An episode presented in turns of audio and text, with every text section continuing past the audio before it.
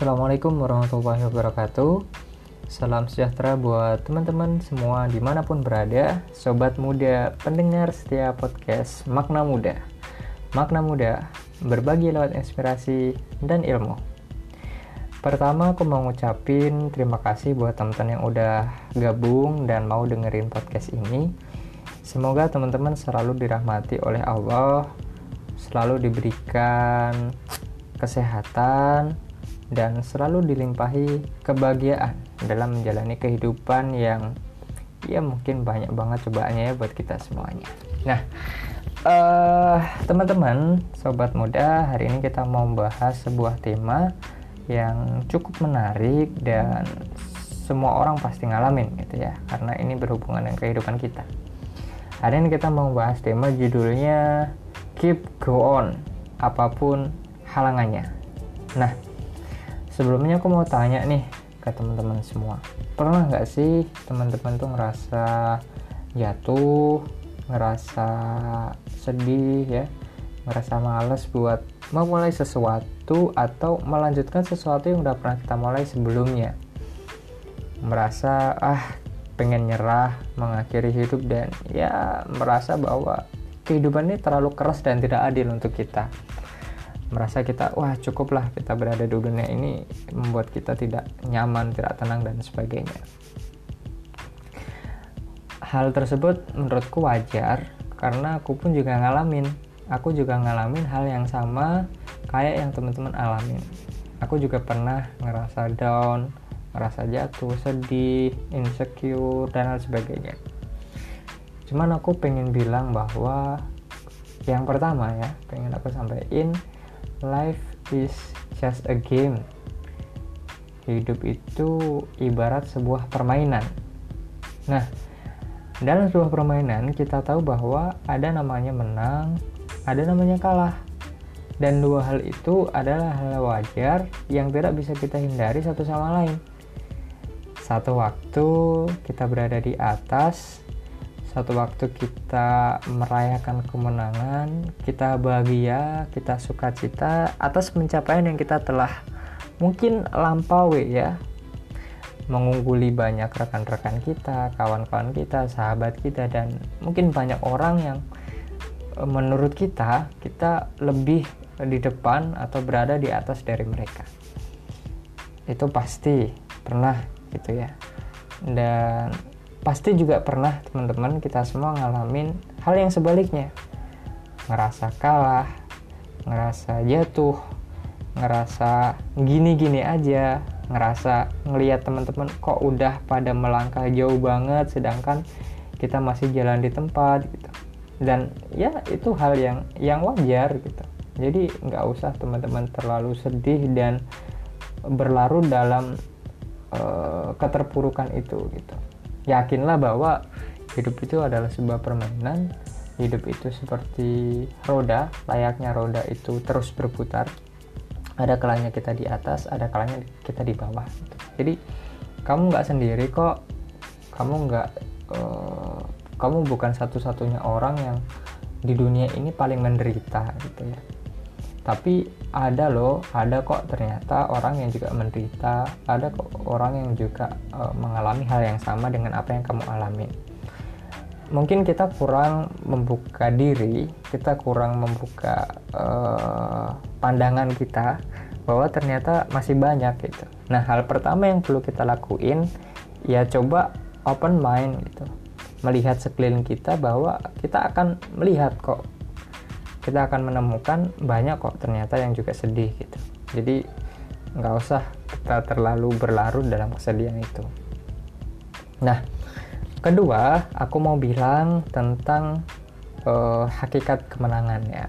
Buset bahasanya hakikat ya. Jadi yang dinampakkan pemenang atau yang dikatakan orang sukses itu sebenarnya menurutku ya bukan orang yang nggak pernah gagal. Orang sukses itu bukan orang yang nggak pernah gagal. Orang sukses itu bukan yang dalam setiap tujuannya dalam setiap planningnya itu berjalan dengan mulus. Seolah nggak ada batu kerikil yang menjegalnya membuat dia jatuh. Bukan bukan seperti itu. Orang yang memenang itu atau pemenang itu juga bukan orang yang nggak pernah kalah. Orang yang selalu uh, ketika bertarung selalu memenangkan pertempuran enggak bukan seperti itu tapi orang yang dikatakan sukses orang yang dikatakan menang adalah mereka yang terus bangkit terus memilih untuk bangkit dalam setiap keterpurukan yang mereka terima. Orang yang memilih bangkit dalam setiap kekalahan yang mereka alami. Itulah hakikat yang namanya sukses dan menang. Jadi bukan kepada takdir yang kita terima, bukan kepada sesuatu yang kita dapetin atau kita alami hari ini, tapi respon apa yang kita berikan terhadap takdir yang kita alami. Ada sebuah kalimat yang menarik tuh gini. Life is just a game. Being a broke is a part of the game, but stay a broke is a personal choice. Jadi hidup itu adalah sebuah permainan, jatuh itu bagian dari permainan, tapi kalau kita memilih jatuh, itu pilihan kita sendiri. Jadi teman-teman, jangan sekali-kali teman-teman nyalahin Tuhan, teman-teman nyalahin Allah atas kejatuhan yang kita terima. Karena pada akhirnya ada kok orang yang juga jatuh dan sekarang bisa bangkit. akhirnya ada orang yang juga menang ya setelah ditimpa banyak musibah dan seterusnya. Jadi kata kuncinya adalah pada kata bangkit bangkit dari keterpurukan itu poin yang kemudian pengen aku sampaikan dalam uh, hal yang kedua. Nah saya di sini aku di sini ya. Aku di sini mau cerita tentang ya ya aku aku bukan orang yang sukses bukan orang yang uh, bisa dikatakan sebagai seorang pemenang. Tapi paling tidak aku pengen berbagi sedikit tentang ya kisah hidupku selama paling tidak 23 tahun hidup di dunia ini. Sebelumnya aku mau cerita karena ini podcast yang pertama, episode yang pertama tentang siapa gitu ya. Siapa sih Aam itu kan? Apa sih landasan dia cerita kayak gitu. Nah, teman-teman, uh, aku seorang engineer, electrical engineer sekarang kerja di dunia elektrikal tentunya. Basicku di situ cuman aku pengen bilang sejak aku di SMA aku udah berkecimpung di organisasi. Mulai dari di kamp di, di sekolah rohis dewan ambalan kemudian penggerak adiwiyata kemudian di desa jadi ketua karang taruna kayak gitu.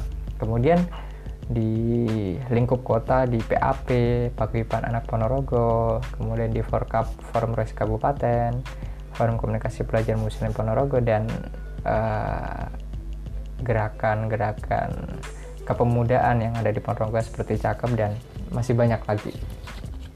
Nah, semangat spirit itu membuat spirit berkegiatan sosial itu membuat aku untuk juga terpacu untuk melanjutkan kegiatan itu ketika nanti e, berada di kampus gitu. Nah, pas aku masuk kampus, aku coba terapin semangat itu dan aku masuk UKKI atau LDK ya di tahun pertamaku. Kemudian di tahun kedua aku daftar BEM di Kementerian PSDM Pengembangan Sumber Daya Manusia mahasiswa ya. Kemudian tingkat tiga aku e, menjabat sebagai ketua BEM aktif juga di BEM SI dan di tahun terakhir setelah aku lengser dari BEM dari BEM kampus aku jabat di organisasi nasional Forum Komunikasi Mahasiswa Politeknik seluruh Indonesia. Di situ sebagai juga ketua umum. Jadi paling tidak 6 kurang lebih enam tahun ya. Enam tahun berkecimpung di organisasi ketemu banyak orang dari berbagai level dengan bahasa yang juga beragam pola komunikasi yang beragam dari level elit gitu ya dalam tanda kutip sampai level grassroots ya. Itulah yang menjadi landasan paling tidak uh, dalam bagaimana mindset berpikir saya. Nah teman-teman uh, di sini aku mau cerita selain dari pengalamanku juga mengacu pada sebuah buku yang cukup menarik. Judulnya adalah disiplin eksekusi atau disiplin execution karya Sen Kavi teman-teman nanti mungkin bisa cari bukunya bisa baca lebih detail cuman aku di sini berusaha untuk ngerangkum uh, poin-poin yang ada dalam buku tersebut yang related atau berkaitan dengan tema yang mau kita bahas hari ini. Nah, ada empat poin di situ teman-teman yang paling tidak bisa kita amalkan kalau kita pengen sukses atau kalau kita pengen go on tadi ya, keep go on kayak gitu. Yang pertama nih, masuk ke poin yang pertama. Teman-teman, kita harus menentukan yang namanya goal setting atau tujuan atau visi. Jadi, itu hal pertama yang kita harus uh, selesaikan di awal. Why are more important than how to do. Jadi, mengapa itu jauh lebih penting dari tentang bagaimana melakukan kalau kita udah ngerti agensitas tentang suatu hal kita udah ngerti tentang sesuatu itu kenapa kita harus mulai maka cara-cara untuk melaksanakan itu insya Allah akan dengan sendirinya secara tidak langsung terbuka ya. Jalan-jalan itu seakan terbuka ketika kita udah ketemu why-nya. Nah pertama pastiin why-nya itu clear dulu nih teman-teman. Tujuannya harus jelas. Yang pertama nih dari sudut pandang uh, pengujian ya. Teman-teman uji seberapa penting goal tersebut. Coba kalian tulisin. Misal nih kalian pengen bikin sebuah movement. Kalian pengen bikin sebuah gerakan pemberdayaan masyarakat atau pemberdayaan pemuda. Nah impact uh, sorry. Yang pertama uh, seberapa penting itu harus kalian lakukan. Nah yang kedua baru impactnya. Nah Impact ini maksudnya apa? Impact ini kira-kira dampak positif apa yang nanti bakal bisa kamu ciptakan dengan sebuah movement yang kamu bikin. Seberapa banyak orang yang bisa kamu influence? Berapa stakeholder nih? Misal kalian catat, kita catat ada pemerintah, ada masyarakat, ada pemuda, ada mahasiswa, ada pelajar dan mungkin uh, banyak ya. Nah, itu kalian coba deskripsikan dengan sangat detail gitu. Nah, impact yang bakal mereka terima itu apa? Itu harus jelas. Nah, yang ketiga dalam poin satu adalah jika ya, jika tujuan kamu ini gagal atau tujuan kamu ini nggak tercapai atau movement kamu ini ternyata mm, nggak ter, nggak nggak terrealisasi gitu. Kira-kira dampak buruknya apa? Nah, kalau ternyata dampak buruknya nggak ada, Nah, berarti kalian perlu review ulang tujuan kalian. Berarti tujuan kalian, tujuan kita belum signifikan enough untuk dijalankan. Nah, ini tiga poin ini perlu kita review di awal ketika kita mau mulai sesuatu. Termasuk cita-cita kalau kita bicara dalam perspektif individu. Aku mau jadi orang yang sukses. Suksesnya apa nih? Misal suksesku adalah sebagai seorang pengusaha misal atau sebagai seorang dokter misal atau sebagai seorang guru misal terserah karena teman-teman punya definisi masing-masing. Nah seberapa penting cita-cita itu harus teman-teman capai? Kemudian kalau cita-cita itu udah kalian capai dampak positifnya apa yang bakal kalian dapetin dan lingkungan kalian dapetin? Nah yang ketiga kalau ternyata cita-cita kalian itu nggak tercapai dampak buruk apa yang bakal terjadi? Nah kalau tiga hal itu nggak nggak nggak kemudian cukup signifikan dan mengguncang gitu ya. Nah itu itu besar kemungkinan uh, movement kita atau cita-cita kita itu ke depannya berjalannya akan sus susah sulit ya. Atau mungkin berjalan dan berhenti di tengah jalan. Itu possibility-nya terjadi bakal besar banget. Kalau kita tidak selesai di awal tentang tujuan tadi. Itu yang pertama ya. Saya rangkum aku rangkum uji seberapa penting goals kamu kemudian impact ya, yang bisa nanti kamu hasilkan apa sama yang ketiga jika gagal apa yang bakal terjadi? Oke itu poin yang pertama.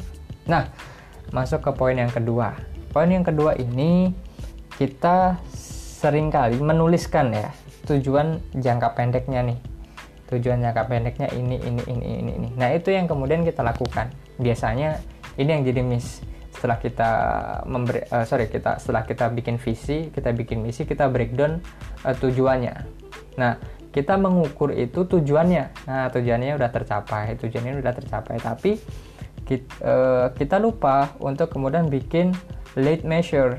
Jadi kita cuma bikin log measure. Kita cuma pengukuran log ya. Kita tidak bikin uh, lead measure-nya. Apa nih bedanya Nah, kalau log measure itu mengukur hasil yang dikejar. Nah, ini, ini yang biasa kita lakukan. Nah, tapi uh, yang kedua ini jarang kita lakukan. Apa tuh? Menuliskan atau mengukur upaya-upaya yang kita lakukan untuk mencapai hasil yang mau kita kejar. Nah, ini jarang kita lakukan. Nah, jadi setelah ini ya, tadi setelah poin pertama kita menentukan goal setting, yang kedua kita bikin log measure dan kita bikin lead measure. Jadi hasil yang dikejar sama to-do listnya apa untuk mengejar atau mencapai hasil yang udah kita tuliskan. Dua hal ini harus kita bikin. Nah, bikinnya di mana? Masuk ke poin yang ketiga. Ada namanya scoreboard ya. Ada namanya papan ukur. Nah, papan ukur ini akan mungkin lebih sederhana teman-teman bikin di kamar kalian masing-masing atau di ruang kerja kalian masing-masing kalian bikin satu papan di situ kalian tulis log and lead measure-nya. Apa yang ingin kalian capai dan apa yang kalian lakukan untuk mencapai itu. Nah scoreboard ini fungsinya adalah untuk mengukur seberapa niat kita ya ya. Yang pertama seberapa niat. Karena kalau kita ternyata nggak niat maka ya scoreboard itu nggak akan terisi gitu. Atau mungkin terisi dan berhenti di tengah jalan. Nah scoreboard ini penting untuk memantau ya memantau memastikan untuk kita e, melakukan tujuan itu atau tujuan yang telah kita rencanakan sebelumnya. Cuman gini am ada beberapa orang yang terganggu ya terganggu dengan hal yang semacam ini. It's okay gitu. It's okay teman-teman nggak perlu menuliskan mungkin ya uh, sedetail orang-orang yang mungkin sangat antusias dalam menulis hal detail tapi paling tidak teman-teman bikin poin besarnya. Teman-teman bikin garis besarnya. Kalau teman-teman bukan tipe orang yang bisa detail teman-teman cukup tulis inti-inti yang memang e, menjadi tujuan antara tujuan besar itu bisa tercapai. Nah skor ini penting untuk mengukur. Jadi teman-teman mengukur setiap hari. Sebelum tidur ya kalian coba tulis apa yang udah kalian lakukan hari ini ya tujuan kalian apa gitu kan kalian review apa yang udah kalian lakukan dan mana yang belum tercapai. Nah ini nanti uh, masuk ke poin keempat. Nah kalian bikin yang namanya evaluasi. Jadi poin keempat evaluasi. Setelah poin pertama goal setting poin kedua make log measure and lead measure. Kemudian yang ketiga bikin scoreboard. Yang keempat teman-teman bikin evaluasi. Nah evaluasinya caranya gimana? Nah ini terserah teman-teman salah satu hal yang pengen aku contohin teman-teman bikin reward and punishment. Nah jadi setiap terserah sih mau setiap minggu setiap bulan gitu ya. Atau bahkan mungkin setiap hari sebelum tidur. Ya tergantung teman-teman gimana enaknya. Cuman ini perlu biar kita mengerti nih sejauh mana tujuan kita itu atau mimpi kita itu atau cita-cita kita itu sudah kita capai. Sudah sejauh mana. Nah kita bikin reward misal nih kalau ini tercapai ada sesuatu yang ya self reward lah. Misal teman-teman suka es krim ya. Ya silakan. Nanti kalau ini tercapai aku mau beli es krim misal. Nah ini tercapai silakan beli es krim kayak itu dan teman-teman harus tegas harus disiplin. Nah kalau ternyata ini nggak tercapai harus ada punishment. Apa? Misal sesuatu yang memberatkan buat kalian. Misal ketika aku nggak nyelesain satu target ini aku harus baca buku konsisten dalam satu jam nonstop ya tentang uh, personal growth misal. Atau mungkin hukuman yang lain yang mungkin membuat teman-teman tuh tertekan ya. Atau mungkin gak kalian sukai lah. Ya mungkin teman-teman yang gak kalian suka itu ngeluarin duit nih. Berarti punishmentnya misal ngeluarin duit untuk hal yang bermanfaat. Misal kita infaking kayak gitu ya. Uh, ya walaupun secara tidak langsung kita juga belajar melakukan hal baik gitu. Jadi tetap us usahakan upayakan reward and punishment itu sesuatu yang konstruktif ya. Hukuman ataupun uh, penghargaan itu semuanya berbau dengan hal-hal yang positif nah empat hal itu ya secara sederhana yang mungkin pengen aku sampaikan ke teman-teman buat keep go on ya seberat apa pun. Jadi sekali lagi ya menutup uh, podcast dalam episode 1 ini. Jadi ada beberapa poin tadi. Coba aku mau review. Yang pertama, life is just a game ya. Jatuh bangun itu biasa.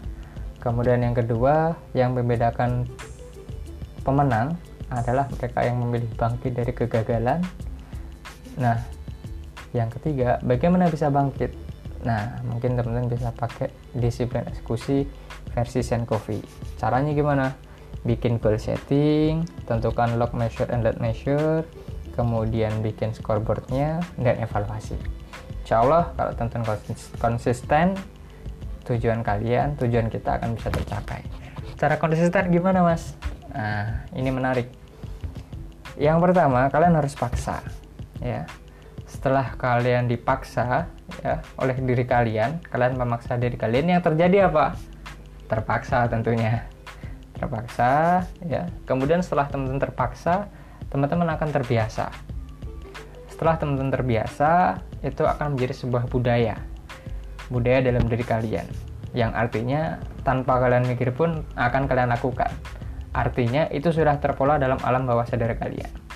Malcolm Gladwell dalam sebuah bukunya yang eh, apa namanya menceritakan ya menceritakan dalam dalam bukunya yang berjudul Outliers ada namanya kaidah 10.000 jam bahwa semua orang itu akan membidangi sesuatu asalkan dia mau konsisten melakukan sesuatu itu dalam kurun waktu 10.000 jam. Nah, 10.000 jam itu berapa lama mas? Gitu. Berapa lama am? Gitu. Nah, coba kalian ukur sendiri-sendiri. Tapi paling tidak mungkin hal yang paling sederhana yang bisa kita lakukan adalah coba biasakan hal ini dalam satu bulan deh. Nanti kalau satu bulan udah bisa, dua bulan. Nah, setelah dua bulan, insya Allah ya, kalau teman-teman konsisten ya, teman-teman bisa menjadi sebuah budaya. Nah, tapi perlu diingat cara konsistennya gimana? Misal nih hari pertama, kedua, ketiga, keempat, kelima konsisten. Hari kelima teman-teman nggak ngelakuin disiplin eksekusi. Berarti lima hari yang udah kalian lakukan itu harus kalian anggap gugur. Berarti hari keenam kalian harus mulai dan hitung dari angka satu lagi atau D satu lagi ya. Bahkan kalau itu udah di hari ke-29 dan teman-teman ternyata gagal, kurang satu hari ya atau bukan gagal sih teman-teman nggak nggak mematuhi aturan disiplin eksekusi maka kalian harus ulang di besok harinya jadi di hari ke-30 itu kalian hitung lagi di hari pertama jadi konsisten terus seperti itu sampai satu bulan ya. Sampai kemudian dua bulan insya Allah nanti setelah itu kita akan terbiasa dalam alam bawah sadar kita untuk bermindset seperti ini. Jadi sekali lagi tetap semangat ya. Karena satu hal yang membedakan orang satu dengan yang lain adalah konsistensi dan semangatnya. Jadi bukan bukan mereka yang paling hebat ya yang akan menang, tapi adalah mereka yang istiqomah, mereka yang kuat bertahan paling akhir. Insya Allah itu untuk episode pertama, semoga bermanfaat. Sampai jumpa di episode berikutnya di Makna Muda, berbagi lewat inspirasi dan ilmu. Sampai jumpa. Assalamualaikum warahmatullahi wabarakatuh.